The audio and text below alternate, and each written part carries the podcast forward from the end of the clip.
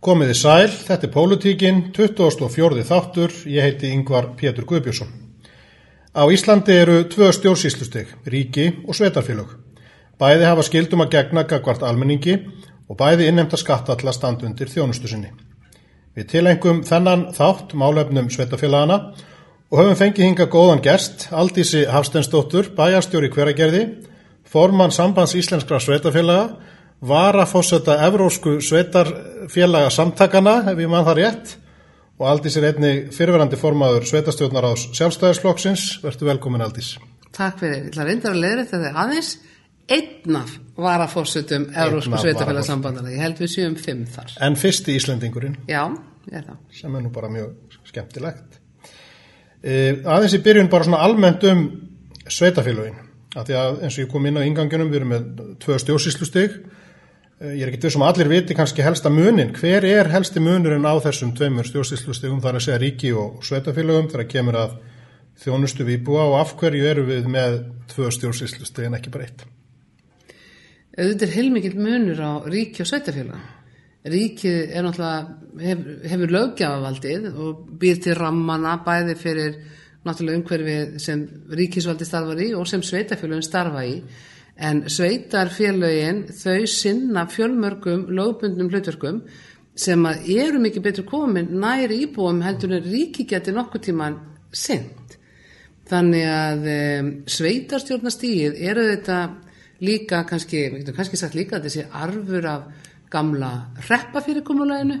Það hafa verið þessar þröngu skilgrinningar sveitarfélag á Íslandi bara frá öru og valda.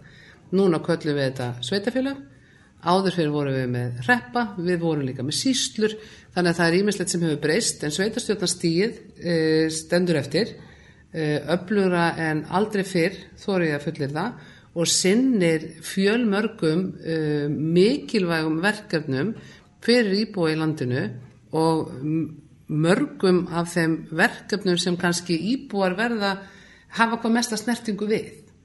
Sveitarfjölun reyka til dæmis grunnskólan, eftir yfirfæslu hans frá ríki 1996 eh, við rekum leggskólana, við auðvitað sjáum að stóruleitum menningarlíf.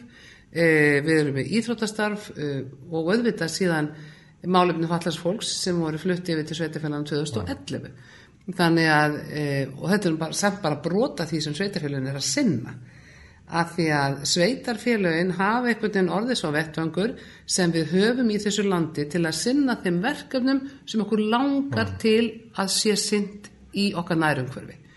eins og til dæmis ef ég tek bara dæmi um þjónustu sem var ekki til staðar fyrir hvað ég segja 30 árum, 40 árum bara skólafrístundin og allt þetta frístundastarf fyrir til dæmis börn uh, sem að sveitafélögin sjáum Uh, og eins líka bara frístundastarf fyrir eldrafólk sem að er líka á höndum sveitafélagana þannig að við erum sífælt að taka við fleiri og fleiri verkefnum og búa til fleiri og fleiri verkefni af því að þeim er best fyrir komið nær íbúum heldur en ríkisvaldi getur nokkuð tíma mm. haft það. Og þá ætti aðalega það eftir vilja íbúkar um stað og, og svo framvegist. Já, já, og það er gert eins og við þekkjum. Það er mm. mismunur á þjónustu eftir eftir stöðum uh mhm. -huh. og það er ekkit óæðilegt því að það er bara mismöndi fólk við stjórnvölinu hverjum uh mhm. stað sem leggur mismöndi línur. Þú sagði ráðan að sveitafjörðin hefur líklega aldrei verið öfluri og ég held að það sé rétt. Það hafa náttúrulega verið eflast og kannski stóra stökkið þegar að grunnskólanum voru farið frá ríki til sveitafjörðaga og svo náttúrulega síðast eins og nefndir þegar málumni fallarsfólks voru farið yfir. Uh, hvernig sérðu þess að þróun áfram? Heldur að sveitafjörðin eftir að taka við starri, fleiri stórum verkefnum? Uh, hvað, hver er þín sín í, þeim, þeim vefnum?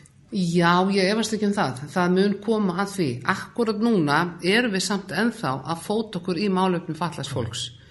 og það hafa alveg verið brekkur þar, ég ætla ekki að gera lítið úr því. Og við höfum átt í miklum viðræðum við ríkisvaldi bara um fjármjögnum þeirra verkefna sem við tókum að okkur.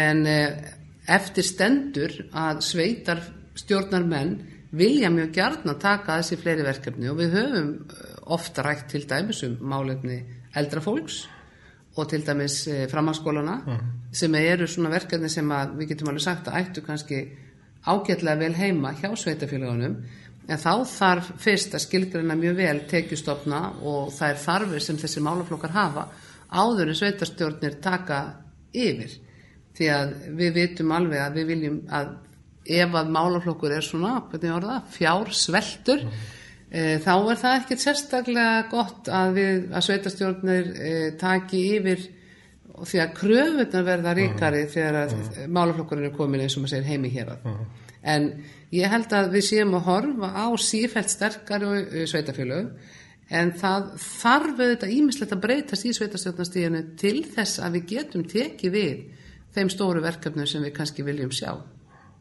Helsugesslan hefur stundum verið nefnd og mér er þess að prófa það hodna fyrir því? Já, það hafa ímis verkefni verið nefnd en það er gríðarlega mikilvægt að, að fjölga ekki e, gráusvæðunum uh -huh. í samskiptu ríkis og sveitafélaga.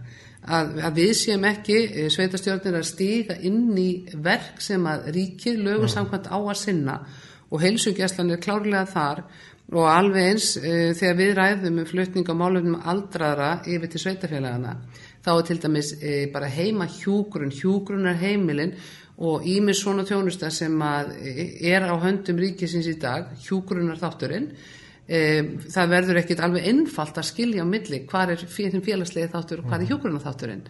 Þannig að þetta er eitthvað sem að þarnast mikillar skoðunar og ítarlega yfirlegu áður en við getum svona farið að ræða nýjum verkefni. Mm. Því að við viljum ekki fjölga þessum gráu svæðum þar sem við erum í síföllu að kljást við bara fjármálaráðunitið um fjármunni til verkefna sem við, við teljum að bara reynilega ríkisvaldið eigi að sinna. En hvernig eins og hún nefnir þetta með eins og málefni fallarsfólks, er, er mikið sem byr í milli þar, milli ríkisfjármálaráðinsins og, og sveitafélagana eða eru menn svona til dærulega sáttur við, við þá yfirfæslu? Það er svolítið misjamt, það er misjamt þetta svæðum. Eh, þegar þessi málaflokkur var færður yfir þá var ákveðið að það myndi vera gert þannig að það voru búin til 8000 manna þjónustu svæði mm -hmm. þannig að sveitafjölu það saminast um rekstur málaflokksins með örfáum undantekningum og það hefur virkað ágætlega og gerir auðvitað hennum smæstu sveitafjölum klift þá að taka þennan málaflokk aðsýr í samfunni með aðra sem að öðrum kosti hefði verið nær því óhugsandi mm -hmm en eh, um leið þá getur maður sagt að þessi þjónustisvæði eru mjög misjöfn. Eh, þungi málaflokksins var mjög, mjög misjöfn eftir svæðu -huh. sumstaðar er alveg rétt gefið annar staðar eru við ennþá með óleist verkefni sem þarf að vinna af En nú er þú formaður sambands Íslensk Sveitafélag og megin hlutverk sambandsins er að vera svona sameinlegur málsvari og, vinna sameinlegum hagsmennamálum svona aðeins bara að því að nú eru sveitafélög mismunandi og, og út um all land, hver eru þessi sameinlegu hagsmunamál og, og hvernig vinnur sambandið að því að, að þeim? Er, er eitthvað svona líðræði konseptal eða er, eru, eru hérna fulltrúar sem að ákveða þetta? Hvernig, hvernig fer svona stort samband með svona ólíka hagsmunni að, að því að marka sameinlega stefnu og sín Já, auðvitað er það þannig hjá sambandinu eins og öllum öðrum stórum samtökum það eru aldrei allir alveg sáttir. En við vinnum eftir líðræðislegum sjónamiðum og fjórarafresti er haldið landsting. Uh mhm. -huh. Um leið og sveitastjóðnum kostningar eru búnar, þá er búða til landstings strax haustið eftir, þar sem að öll sveitafjölu eiga fulltrúa og þar erum við í tvo-þrjá daga að ráða ráðum okkar og við mörgum stefnu fyrir sambandið til þá, fyrir það kjörtímanbyrg sem þá er að hefjast og kjósum um leið stjórn og formann og sem að vinnur þá í anda þeirra stefnu og, og eftir þeim e, þeirri stefnumörkun sem það er lögð. Og það eru auðvitað bara mjög ítalega stefna, þetta eru fleiri, fleiri, fleiri tíu blaðsíða sem eru ákveðnar þarna norður og akveriri það er hefð skapast fyrir því að þetta er alltaf fyrir norðan. Okay. og um, þannig að stjórn og starfsmenn hafa mjög ítarlegt uh, svona plagg til að styðjast við þegar kemur að því að mæta hennum ymsum málum sem að síðan eru, sem koma upp uh -huh. og eins líka til að, auðvitað, til að vinna að við leggjum þar okkar framtíðasín sem að við svo í stjórninni vinnum uh, að framgangi. Ég kíkti þetta á stefnika 2018-2022 og við hefum kannski ekki tíma til að fara ón í hana alla en kannski hver eru svona stærstu eh, málinn sem þið eru að vinna að núna þessu kjörtjónbili? Það er nú svolítið skrítið að segja það og þetta er rúglega verið sagt alltaf, eða mjög lengi fjárhanslega samskipti ríkis og sveitafélag eru klárlega stórumál og eh, við erum auðvita í sífældu samtali við ríkistjónina, við fjármálaráðunitið um skiptingu tekna. Uh, með hvaða hætti við getum fengið fjármunni til, til að sinna þeim verkefnum sem við að, eigum að sinna og gerum því að óneittalega finnst okkur uh, tekjustofna sveitafélag meg að vera uh, veglegri og betur staðið að skiptingu tekni þessu landi. Því að og það er, já við erum til dæmis með nefnd, kallum bara Jónsmessu nefnd sem hittist reglulega og það eru fulltrúar sambandsins og ríkistjónarinnar fjármálar áriðtisins þar sem við förum yfir þessi mál og leggjum línur og, og til dæmis í aðdraðanda gerðar fjármála áallunar fyrir ríkissjóð þá erum við þáttakundur þar. Þannig að þetta er stóramálið síðan erum við þetta í sífældri hagsmunageslu uh, fylgjumst með lagasetningum uh, fáum send uh, frumvörp og þingsáluktuna til þauður á vinslu stíi til þess að geta gett aðtöðsendir og fylgjum svo með þeim sem, ekki, sem okkur eru ekki sendar til þess að tryggja það að það sé ekki verið að eh, þetta lauma inn í laugin einhverju sem veldur kostnarauka hjá sveitafélagunum eh, án þess að það sé að einhverju leiti bætt mm. En hvernig svona nú síndist mér að vera hátt, hátt í 30 starfsmenn held ég á sambandinu ef ég haldi það rétt hvernig hefur svona starfseminn verið að þróast, hvað er, hvað, þú nefnir yfirferð á lagafrumvarpum og, og, hérna, og það eru auðvitað mörg önnur þjónusta sem þau eru að veita sammeðlega fyrir sveitafélagin. Hvernig hefur það verið að þróast? Er, er dagleg starfsemi sambandsins að vaksa og, og hver eru þá þessi svona helstu daglegu störfin á skrifstofa sambandsins? Já, ég held ég geti sagt að þjónusta sambandsins verður sífælt viða meiri. Verkefnin eru alltaf að verða stærri, þau eru að verða floknari, bara í takt við það hvernig samfélagið er að þróast. Því að e, þau mál sem lúta að sveitafélagunum og þar að leiðandi sambandinu, það eru, likku við segi, þetta eru, þetta er næstu því allt er lítur að daglegu lífi borgar í þessu landi. Og þar að leiðandi eru verkefni okkar í stjórninni og starfsmanna mjög fjölbreytt og viðamikil. Eitt til dæmi sem að sambandi gerir er að við erum í, sameil, í samstarfi um laun og kjaramál mm. þannig að e, okkar fólk semur við verkefliðsreifinguna og launþegarreifingarnar e, fyrir hönd allar á sveitafélaga á landinu. Og þau eru all þar inni þá? Eða svo til. Það, þarna, það, það voru eitt eða tvö sem sögðu þessu úr þessu samstarfi núna á liðnum vetri. Annað er nú komið inn aftur en annars eru þau öll fyrir utan Reykjavíkuborg sem er, er sér. E, nú hefur það verið stefna stjórnvalda að samena svetafélögum, fækka þeim og stækka þú þessar e, stjórnsýsleiningar og ekki bara þessar ríkistjórnar, þetta hefur verið í umræðinu mjög lengi og oft ymsar aðrennur að því sem hafum tekist ágætlega. E, en það er ekki allir sammála um þessa stefnu og mörg lítil svetafélög sem vilja bara fá að vera í friði. Hver er þín afstæða í, í þessu máli? Mín afstæði þessu máli er skýr og hún er svo sem þekkt. Eh, ég tel það lífsnöðsynlegt fyrir sveitastöndastígið að það eh, að það eflist að öll sveitafélögur séu í stakk búin til að sinna þeirri þjónustu sem þau lögur samkvæmt eiga að gera. Og þegar ég orði þetta svona þá er ég auðvitað að vísa örliti til þess að það eru sveitafélög e, þarna úti sem að e, þykja eða greiða fyrir, þú kaupa þetta þjónustu, mm -hmm. get ekki að lítið úr því að af nákvæmlega sínum á svo til öllum sviðum og um, það eru þetta ákveðin aðferð við að reyka sveitafélaga það er kannski ekki svo besta þegar þú hugsa til þess að íbúar þínir eigi þetta að vera þáttakar til þeim ákveðin sem eru teknar ef að um, sveitarfélagið mitt kaupir alla þjónustu af öðru sveitafélagi þess að sitja einhverjir aðri sveitastjóðumenn mm og ákveða hvernig hlutinir eru gerðir mm. þá erum við kannski komið svolítið langt frá, frá þessum svona hennum kjörnum fulltróðum og því líðræði sem við viljum sjá í landinu mm. þannig að e, til skamstíma þá voru lög í þessu landi um íbúafjölda ef að íbúatalan fór niður fyrir 50 þá e, var bara greið bríkisvaldi í taumana. Svo var þessi lámastala afnuminn þannig að núna eru engin lög um lámast íbúafjölda í sveitafjölugum og það er auðvitað ákverðun en um, þú spyrðu mína skoðun um, það er þannig að við heldum aukalandsting það búið að vera starfandi það hafa starfað tveir starfsópa núna á nýliðnum árum til að fjalla um eblingu sveitastjórnastegsins.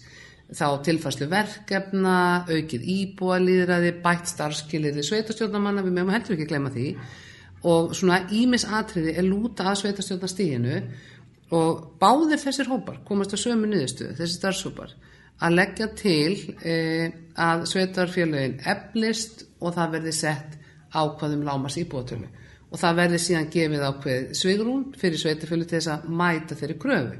Þannig að það geta allir fundið sér í sinn samstagsfélagi því, það er ekki verið að leggja einhverja ríkislínum hverja og samanast hverju. E, núna síðasta skýrslan sem var unnin e, undir e, styrkustjórn Valgars Hilmarssonar, mjög reynd sveitastjórnamanns úr húnaþingi. Eh, hún komst að þessari sömu niðurstöðu og við bóðum til auka landsfundar, sveitastjórnamanna, sem, eh, sem var haldið núna í síðastliðu haust, þar sem að var engungu þetta eina máladaska. Við rættum þetta mjög ítalega eh, á einum degi og það var greitt, voru greitt atkvæði um það hvort við ættum að styðja þessar tillögur sem þarna komið fram með ekki og það var niðurstaða, liðaðislega niðurstaða sveitastöttamann á Íslandi að við vildum sjá uh, þessar tillögur sem Sigur Ringi hefur lagt fram verða veruleika. Uh -huh. og að því vinn ég. Ég vinn auðvitað að því að fylgja eftir samþygt landsfundar. Uh -huh. e, Kanski sveitastöndamál og byggðamál eru auðvitað nátengt og kannski aðeins um svona byggðamálin. Eru þau mikið til umræða á ykkar vettfangi og, og hverjar eru þína skoðanir á svona stefnustjórnvalda í byggðamálum, hvað getur við gert betur í þeim öfnum? Byggðamálin eru þetta mál sem eru alltaf til umræði með einum eða öðrum hætti að þú spurðum mína skoðanur af því þá ætlum ég bara að segja mína skoðanur af því og uh, það er það að við búum í stóru viðfæmu strjálbílu landi. Uh, ég held að okkur þykji öllum gríðarlega væntu landsbyðinar.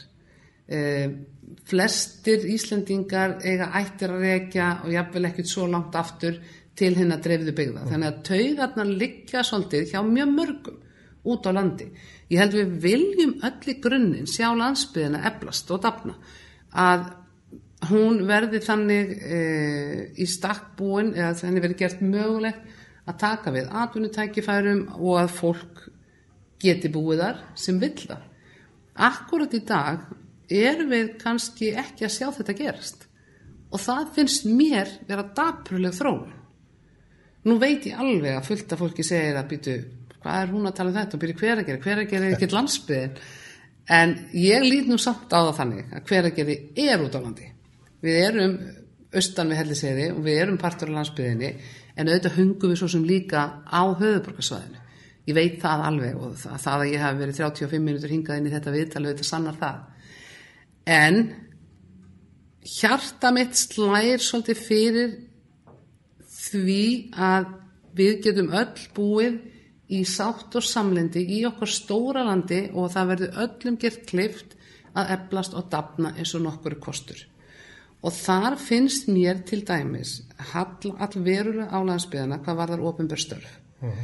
og við erum búin að sjá fjölmarkar ríkistjónir við að gera og uh, semja og samþykja við að mikla byggðavallanir uh, sem hafa nú ekki búið betri árangur um það að núna búa að með minnir 84% þjóðarinnar milli kvítána tvekja -huh.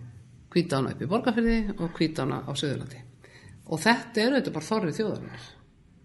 Ég var á ferðarlægum daginn og þarna mér finnst svo gaman út á landi og kerði melrækasleituna og þegar ég kerði gegnum þær sveitir allar þá slóða mig á þessu ofbúðslega viðfæmasvæði þar sem eru falleg þjættbíliskjarnar og gríðarlega falleg eh, svona náttúru náttúru minjar og eh, aðteglisverði staðir að skoða búa sjálfsagt farri enn í hverjargerði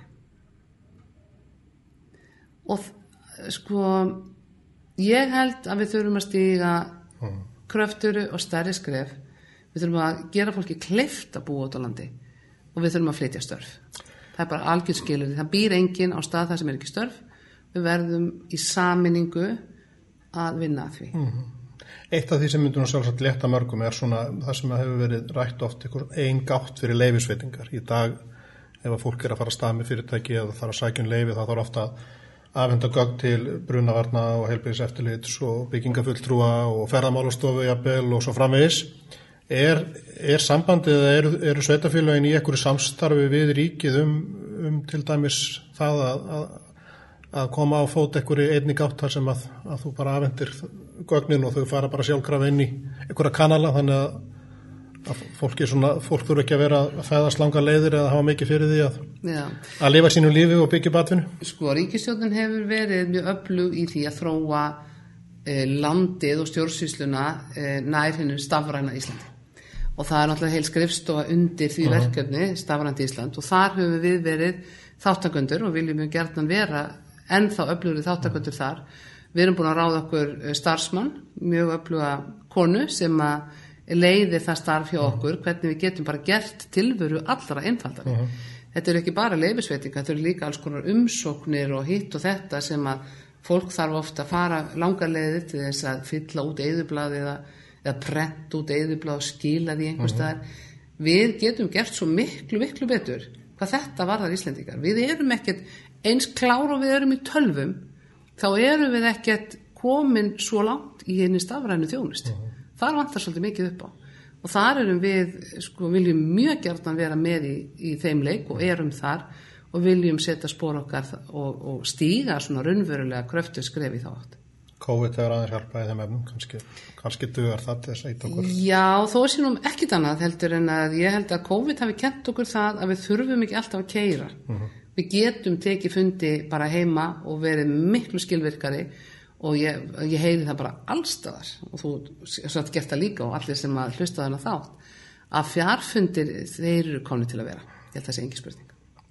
Aðeins um skipulasmálinn, að því að það er stór hluti af eh, stafsum ykkar, svetsnumanna Nú hefur, maður svona veltiði fyrir sig að því að nú hefur verið stefna þessar ríkistjóðum meðal annars að, að fjölga, já, fjölga og stækka svæðum, stækka friðlist svæði og jafnvel hugmyndur um, um þjóðgarð og annað sem að myndi mögulega takmarka og líklega takmarka skipilagsvald sveitafélagana. Hafið þið rætt þetta? Er þetta eitthvað sem þið hafið áhyggjur af?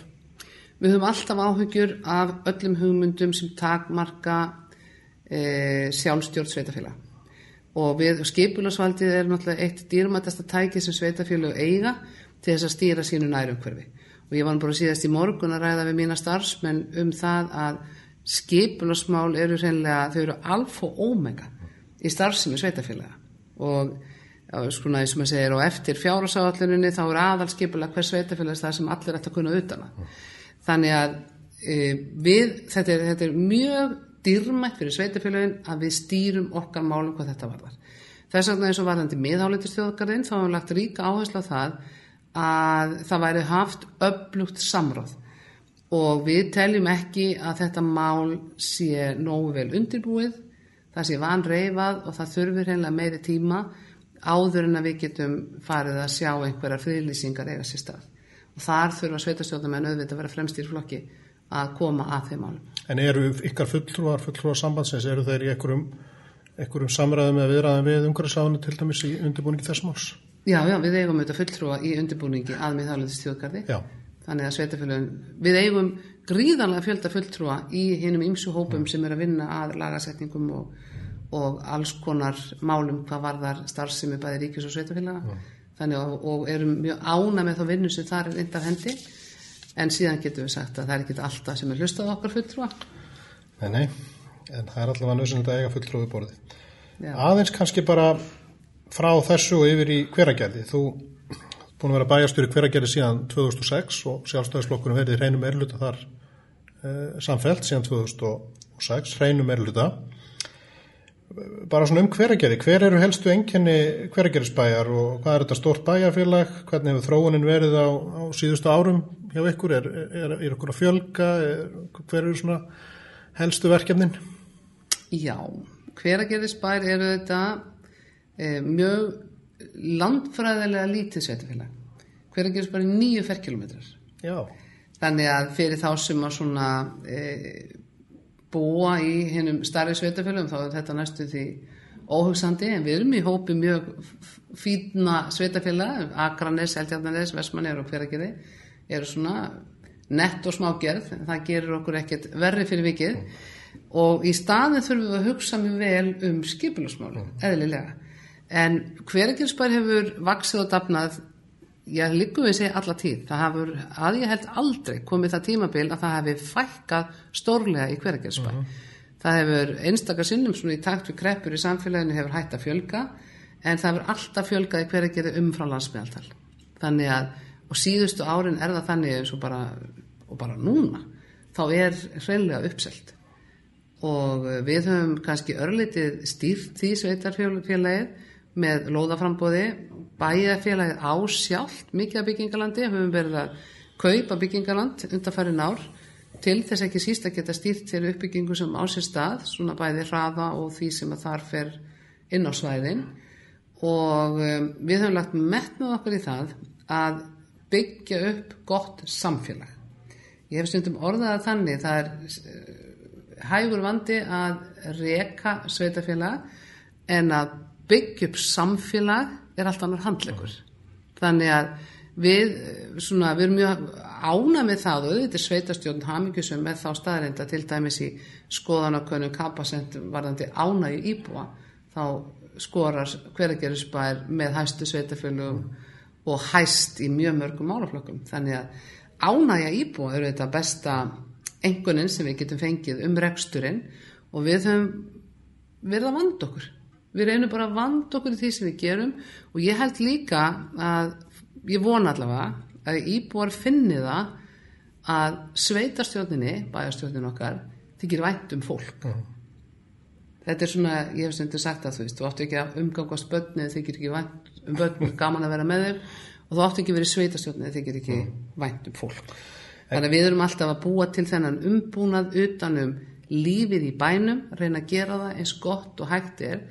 Líka því að við búum að það og við ætlum að búa það -huh. þannig að það eru allir að gera sitt besta. En hvernig nú, þú nefndir aðan að þú hefur verið 35 mínútur í þetta viðtal. Það væntalega skapar í mig sóknafæri fyrir fólk hérðan á höfuborgarsvæðinu sem vil kannski sækja í rólegra umhverju batnvætna umhverju en samt sækja atvinnu hingað. Er, er fólk mikið að flytja yfir heiðina? Já, mjög mikið. Og við sjáum þetta uh, þetta er sívaksandi þegar ég byrja sem bæjastjóri eða svona þegar ég byrja í pólitíkinni þá vorum við með þetta alltaf heimur handan heiðarinnar. Og þetta var svona markasetningin e, og síðan þá þá er þetta alltaf að vera eðlilega og eðlilega það er líka ímislegt sem að e, hefur gert að verkum að þetta er bara hreinlega e, raunverulegu kostur, þetta er ekki bara raunveruleg þetta er bara mjög einfaldur kostur fyrir fólk sem vil einfaldara líf. Það eru þetta einfaldara líf að búa í litlu sveitafjölu út á landi þar sem að börnin lampa í íþróttirnar og vinirnir eru handað með hodni og þú þetta aldrei að skuttla það er bara ónýttanlega annað hendar ekkit öllum, ég ætla ekki að halda því fram en þeir sem að vilja kannski einfalda lífsitt búi í stress minna umhverfi og í fallegu umhverfi, ég ætla líka hveragerisbær er nú þekkt fyrir gunguleiður og gróður og fallegt umhverfi þá er þetta orðin hreitt valkostur. Mm. Við erum líka komið strætó, við erum í tengslu við strætó hér á höfuborgarsvæðinu þannig að það eru tólferðir e, hingaðin í mjótt, þar fæður bara skiptið mið og heldur áfram í kerfinu þessar tólferðir á dag mm. og e, veginir, vegurinn orðið miklu betri og bílarnir orðið miklu betri. Mm. og rafbílavæðingin gerir síðan að verkum og þú getur bara gert á hlæðslu fram og tilbaka. Þannig að þú ert ekki eins og með bensinkostna og svo eru þetta kostur við hverja gerir líka að við bjóðum alla þjónustu. Að þú þart ekki að sækja neitt annað. Þannig að það er bara ég auðvitað er alveg heila þvegin hvergeringur, ég skal bara fúslega hjáta það. Þetta er góð sölur að það. En hvernig, sko nú eru þið eins og bara öll sveitafélag og, og, og bara við öll að takast á við COVID og, og efnaðasaflengarnar Eh, hvernig lítur það út hjá ykkur á þessu ári og hvernig, þeir eru vantilega eitthvað byrjuð að skoða fjárhansállin næsta árs, hvernig, hvernig heldur þú að þetta muni slá ykkur bæða þessu ári og næsta ári? Ef við horfum bara á sveitafélagið þá er ljóst við erum að tapa tekjum. Við erum að tapa útsvarstekjum minna samt en við áttum von á. það held ég að sé að hluta til að því að ferðarþjónustinni hveragerði hefur bara haldið svolítið velli í sumar hveragerði er klárlega orðin sunnudaspiltúr margir flottir veitingastæðir, fín hótel þannig að fólk á höfuborgarsæðinu sækir svolítið til okkar sem er ánægilegt mjög svo þannig að útsvastækjundar hafa kannski gefið minna eftir að við óttuðumst en við erum samt tæp ekki að sjá þá aukningu sem við höfum skrifað inn í fjárhásállum 2020 og það held ég að sé reyndin hjá næstum öllum sveitafélag að uh, við erum svona krabla í það að vera með svipa á 2019 en það vantar aukninguna mm. og aukningin er eitthvað sem við þurftum að fá bara til að standa ströym á kostnaði við kjæra samleika þó séum ekkert annað mm. en uh, þannig að við erum að sjá e, tekjutap ríkisjóninni sem betur fyrr búin að liðka fyrir sveitafélögum með því að ringa e, hérna fjárháslu umgjörð og gefur okkur heimil til þess að skila e, tapi yfir lengri tíma. Þannig að ég efast ekki um að hver ekkert bara verður ekki í tapi núna svo ég sé bara heitskilu með það. En e, ef við horfum lengra fram í tíman þá er ég líka jafn sannfarið um það að við munum öll rýsa mjög hratt upp aftur Þannig að um, við erum ekkert að langt í frá að leggja árar í bát, við erum að hefja viðbyggingu við grunnskólan, við erum að lagfara búnisklefin í sundlöginni, það er hellingur af framkvæmdum sem við erum að starta núna í ár sem við höldum áfram á næsta og jafnvel þar næsta. Þannig að það er ekkert láta á því, þannig að við ætlum ekki að draga seglinn þannig saman og ég held að það sé andin almennt hjá sveitarstjórnastíginu að við förum að, að kinda kreppuna. Uh -huh þannig að það er kolröng viðbröði að gera það og það er hitt ofinbæra sem getur haldið uppi öflugu atvinnulífi þegar svona bjátar á eins og gerir núna og okkur er bara skilda til að gera Nú er ríkið að endur greiða virðsökarskatt og alls konar framkvæmdum. Sérðu það mikið í hverja gera að fólk sé að nýta það tækifæri til þess að, að ditta húsum og byggja við og, og annað? Já, með að við magniða byggingarefnum sem kemur á gámasvæði, já, þá verðist mm. það vera og þetta hjálpar alveg gríðarlega og ég vona svo innilega og það er eitt af því sem við hefum lagt ríka áherslu á við ríkiðsvaldið að þetta verði framlengt út næsta ára líka því að þetta hjálpar ekki bara einstaklingunum mm. heldur hjálpar þetta líka sveitafjölugunum að því að við erum með þetta í framkvæmdi það verður að hvetja sveitastjórnastíði til að framkvæma núna og til þess að gera það þá er þetta auðvitað leið til kvartningar að við fáum þá endurgræta verið svo skatti mm. Eh, blómstrandi dagar hafa verið svona bærhátis, eina af þeim bærhátis sem maður tekur eftir eh, hvað verður um blómstrandir daga í ár?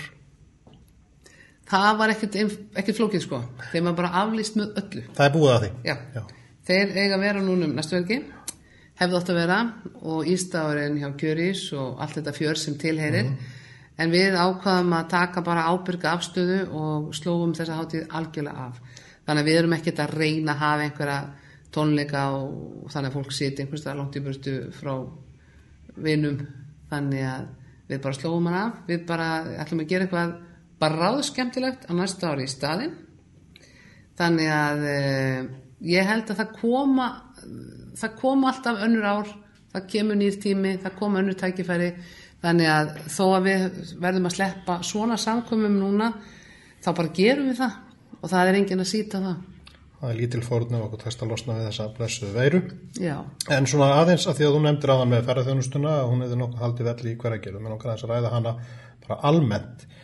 E, að því að nú eiga sveitafélögum mörg hver tölverð mikið undir ferðarþjónustunni bæðið út bara útsvasteikjur og fast hérna skattar og, og byggðáþróunin kannski má segja á síðustu árum hefur þetta aldrei stjórnast af því hvar uppbyggingin hefur verið mest í, í ferðarþjónustunni hvernig blasir þetta við þér og staðan á greininni bara svona heilt yfir ef maður horfur bara yfir landið?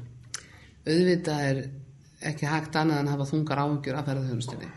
Það að landið þessi bylgjaskildi skella á núna svona snemma voru auðvitað gríðarlega vonbriði svona öllum grunaðu auðvitað þetta myndi gerast en það fólk var svona vona við fengjum águst-september e, til þess að svona eins og maður segja njóta lífsins mm.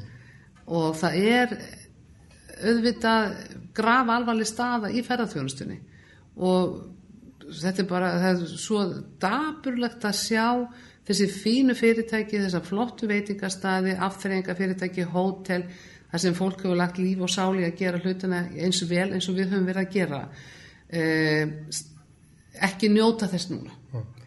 og um, þetta er líka veturum verður snúin það verður kunst að fyrir þessa aðila að lifa af veturinn. Því að svo erum við líka við erum með kjærasamlingar sem að var kannski tæplega innegt fyrir miða við það ástand sem við erum í núna og var kannski hægt að sjá aðeins fyrir að um, þannig að þetta, þetta er ekki einfalt. Og, og eins líka svo, þetta, það er ofsalega þungt að horfa núna upp á fjölmarka einstaklinga sem að hafa mist vinnuna eða er að missa vinnuna og sjá fram á að núna er sömarið sem að var svona þessi góði tími fyrir að, því er að ljúka og við erum að siglin í vetur þar sem við erum að með kannski ekki jafn góður horfur eins og við vorum að vonast til. Nú hefur í þessu, svona eftir þessi setni bylgja skalla og það hafa ýmsir verið að kalla eftir því að, að landamæru verði lokað eða það verið hertar aðgerðir og svona þeir sem að tala gegn þessum sjónarmiðum hafa haldið því fram að þetta myndi mögulega ríða verið þjónustuna fullu. Uh, tala, tala ekki um Æslandi er sem kannski grunnurna því að það sé eitthvað ferða þjónusta hver er þín skoðun á, á þessum mál ef, ef þú hefur hana yfir höfuð Ég held að hafa nú allir skoðun á þessu út í það farið. En um, við höfum uh, lagt alla okkar tiltrú á þrýegið og ríkistjóðana og ég ætla að segja það líka hér að uh, ég held að við höfum verið mjög lansum með alla þá einstaklingar sem hafa valist í fórustu núna. Og mér finnst það eru allir að standa sig alveg gríðarlega vel í þessum ofsalega erfið aðstæðum. Og þá ætlum líka hrósa ríkistjóðinni og því mér finnst þar vera þau eru samhend og þau eru samstilt koma fram svona sem hópur sem er svo mikilvægt á tímum sem þessum þannig að bara þau hafa virkileg tróskili fyrir það. Ég vil ekki bara nefnilega eitthvað þrýegjunu hrósi. Það er líka ríkistjóð hérna sem stendur á baku ákvarðarinnar og þau hafa staðið sig mjög vel. Um, ég held landamærunum var aldrei lokað eins og hefur ítrekka komið fram og ég held að við getum ekkit loka landamærunum. Við erum eiga hér lengst út í allasafi sem erum háð öðrum þjóðum um afskaplega marga hluti og núna síðast voru við lesa greinar um til dæmis bara tilflutning vinnuafls. Uh -huh. Þannig að ég held að það sé tóntmál að tala um að við lókum landamærunum, svona í þeim skilningi sem að við leggjum í það að loka. En auðvitað verðum við að hugsa mjög vandlega þau skref sem eru stígin og vand okkur og það má sjálfsagt gera enn betur, skima og setja fólk í sótkví og annað slikt. Uh -huh. En svona kannski að lokum bara aðeins aftur að hveragerði þú átt farsælan feril sem bæjarstjóri. Hverjar svona eru stóru áherslunar sem að sjálfstæðisflokkurinn og sjálfstæðismenn hafa komið til leiðar á þessum 14 árum í hverja gerð og hvaða stóru verkefni eða, eða stóri árangur er það sem að þú ert svona hvaða stoltust af á þessum árum? Já uh, ég held að ég sé stoltust af því svona fyrir hönd bæjar fulltrúa allra að það hafa komið á ró á samfélagi. Og, og ég ætla ekki að egna mér það. Það bara, hefur verið mjög samstiltur hópur sem hefur valist í bæjastjórn til fjölda ára. Og um, við auðvitað erum ekki alltaf sammála langt í frá. En við bara ræðum málinn, tökumst á stundum er bóka, stundum ekki stundum er einn og meira hlutum á mótu og stundum einn og minnu hlutanum. En við höfum alltaf búið gæfi til þess að vera ekki að berjast á banaspjótum einhvern veginn um menn og málumni mm. og það held ég að skipti gríðarlega miklu máli. Og það er ekki síst það sem gerir að verkum að það ríkir jáfn góð eining í bæjarfélaginu meðal bæjar búa því að um, það er einhvern veginn þannig og maður sé það alveg fylgjast að að þar sem er mikil, mikil órói í sveitarstjórninni sjálfri þar myndast órói í samfélaginu og þetta er mjög dýrmætt. Þetta er dýrmætt að vera með gott fólk í sveitarstjórn, alveg sami hvaða flokki það er, því allir eru kostnininn til að gera sitt besta. Mm. síðan er þetta verið búin að lita grettistæki umhverfismálum, ég ætlum ekki að gera lítið á því, það er búin að bara, við höfum lagt ofur kapp á það að planta og þar segjum við alltaf að það verður að pota þessu niður því annars verður þetta ekki að vaksa og þegar það er langtímaverkefni við erum að búa til svona bínlilla paradís þannig inn í landi okkur langar til þess að þegar að fólk keirir inn í hveragerði þá segja það nei, þetta er þessi útlöndum. Það er svona framtíðarsýnin svolítið að, að við séum með marga veitingastadi við séum með fallegt umhverfi fallegar göngulegir, fjölbreyttar göngulegir og við vinnum svolítið með þetta vámoment. Að þú getur labbað gött og sett, nei, vá, þetta er smart. Og já, svo labbar í næstu, hei, hér er skiltið vá, þetta er flott. Þannig að við höfum alveg meðvitað unnið í því að fegra og bæta bæjarfélagi útlýslega séð og uh, síðan erum við líka náttúrulega búin að byggja glænýja leikskóla þannig að núna komast öll börn inn eins og núna erum við að taka inn börn sem að verða eins ás í Já. september Vel gert. og byrjun oktober þannig að uh, við erum bara mjög meðvitað að búa til samfélag sem fólk vil búi og fær góða þjónustu og ég held og við munum halda því áfram. Við erum til dæmis núna að starta byggingum í samvinnu við ríkið eh, með nýtt hjúkurunarheimili þar sem við útrýmum tvíbílónum allt í einbíli. Og það verður vantanlega alútbóð sem fyrir gang núna á haustmánuðum. Þannig að ég hlakka mjög til að sjá það verða veruleika. Og það verður vantanlega stóramálið á næsta kjörtíðanbyrð ekki síst þegar að elsta kynsluðan okkar fær svona frábæran aðbúnað ég held að við látum þetta verða loka orðin í þessum 20. og 4. þætti pólitíkurinnar. Aldís Hafstensdóttir þakkaði fyrir að koma og fyrir þetta skemmtilega og fræðandi spjall um málefni sveitafélaga og hveragerði. Gangið er besti, sem besti í þínum störfum. Takk fyrir, sumuleiðis